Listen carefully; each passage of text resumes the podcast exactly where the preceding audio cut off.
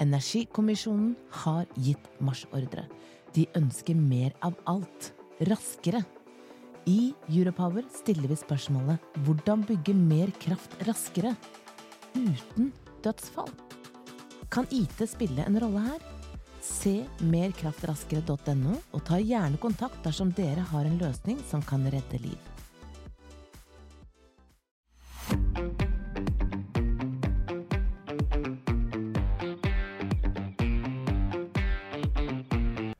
Hei og velkommen tilbake til Europowers strømmarkedet på tre minutter.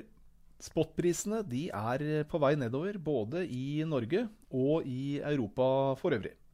Det faller litt mer i Europa enn det det gjør i eh, Norge. og En av årsakene til det kan være at produksjonen av strøm i Sør-Norge den er mer regulerbar enn det vi ser i Europa. Altså Det betyr at det er mulighet for å skru av og på produksjonen eh, som man vil, og ikke helt avhengig av været til enhver tid. I alle fall, prisene på vei nedover, og så langt i februar så ser faktisk eh, månedsprisen ut til å bli den laveste månedsprisen som vi har hatt siden oktober 2021 for eh, Sør-Norges del. En av årsakene til at uh, prisene er på vei nedover, er en uh, bedring i ressurssituasjonen. Og med ressurser så teller man både vannmagasiner og snøreservene i fjellet, altså som skal smelte mot våren, og i tillegg grunnvann. I sum kalles det hydrologisk balanse, og den er nå i ferd med å passere normallinjen og komme i et overskudd på den hydrologiske balansen. Det har ikke skjedd i uh, disse analysene iallfall, siden uh, mai 2021. Den gangen så var altså prisene i Sør-Norge under 50 øre per kWt, mens prisene i Midt- og Nord-Norge lå omkring 35. Men da med en bedre ressurssituasjon så betyr det at det skal produseres mer vann i tiden fremover enn det prognosene tilsa for kort tid siden. Og dermed så må produsentene forlange en litt lavere pris for å produsere vannkraft, for å få ut litt mer vann og litt høyere produksjon i tiden fremover.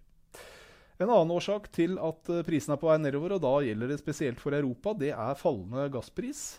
Nå er altså gassprisen på det laveste nivået på halvannet år i Europa. Det er gode lagertall og god tilgang på gass fra andre steder enn Russland som gjør at eh, prisene faller.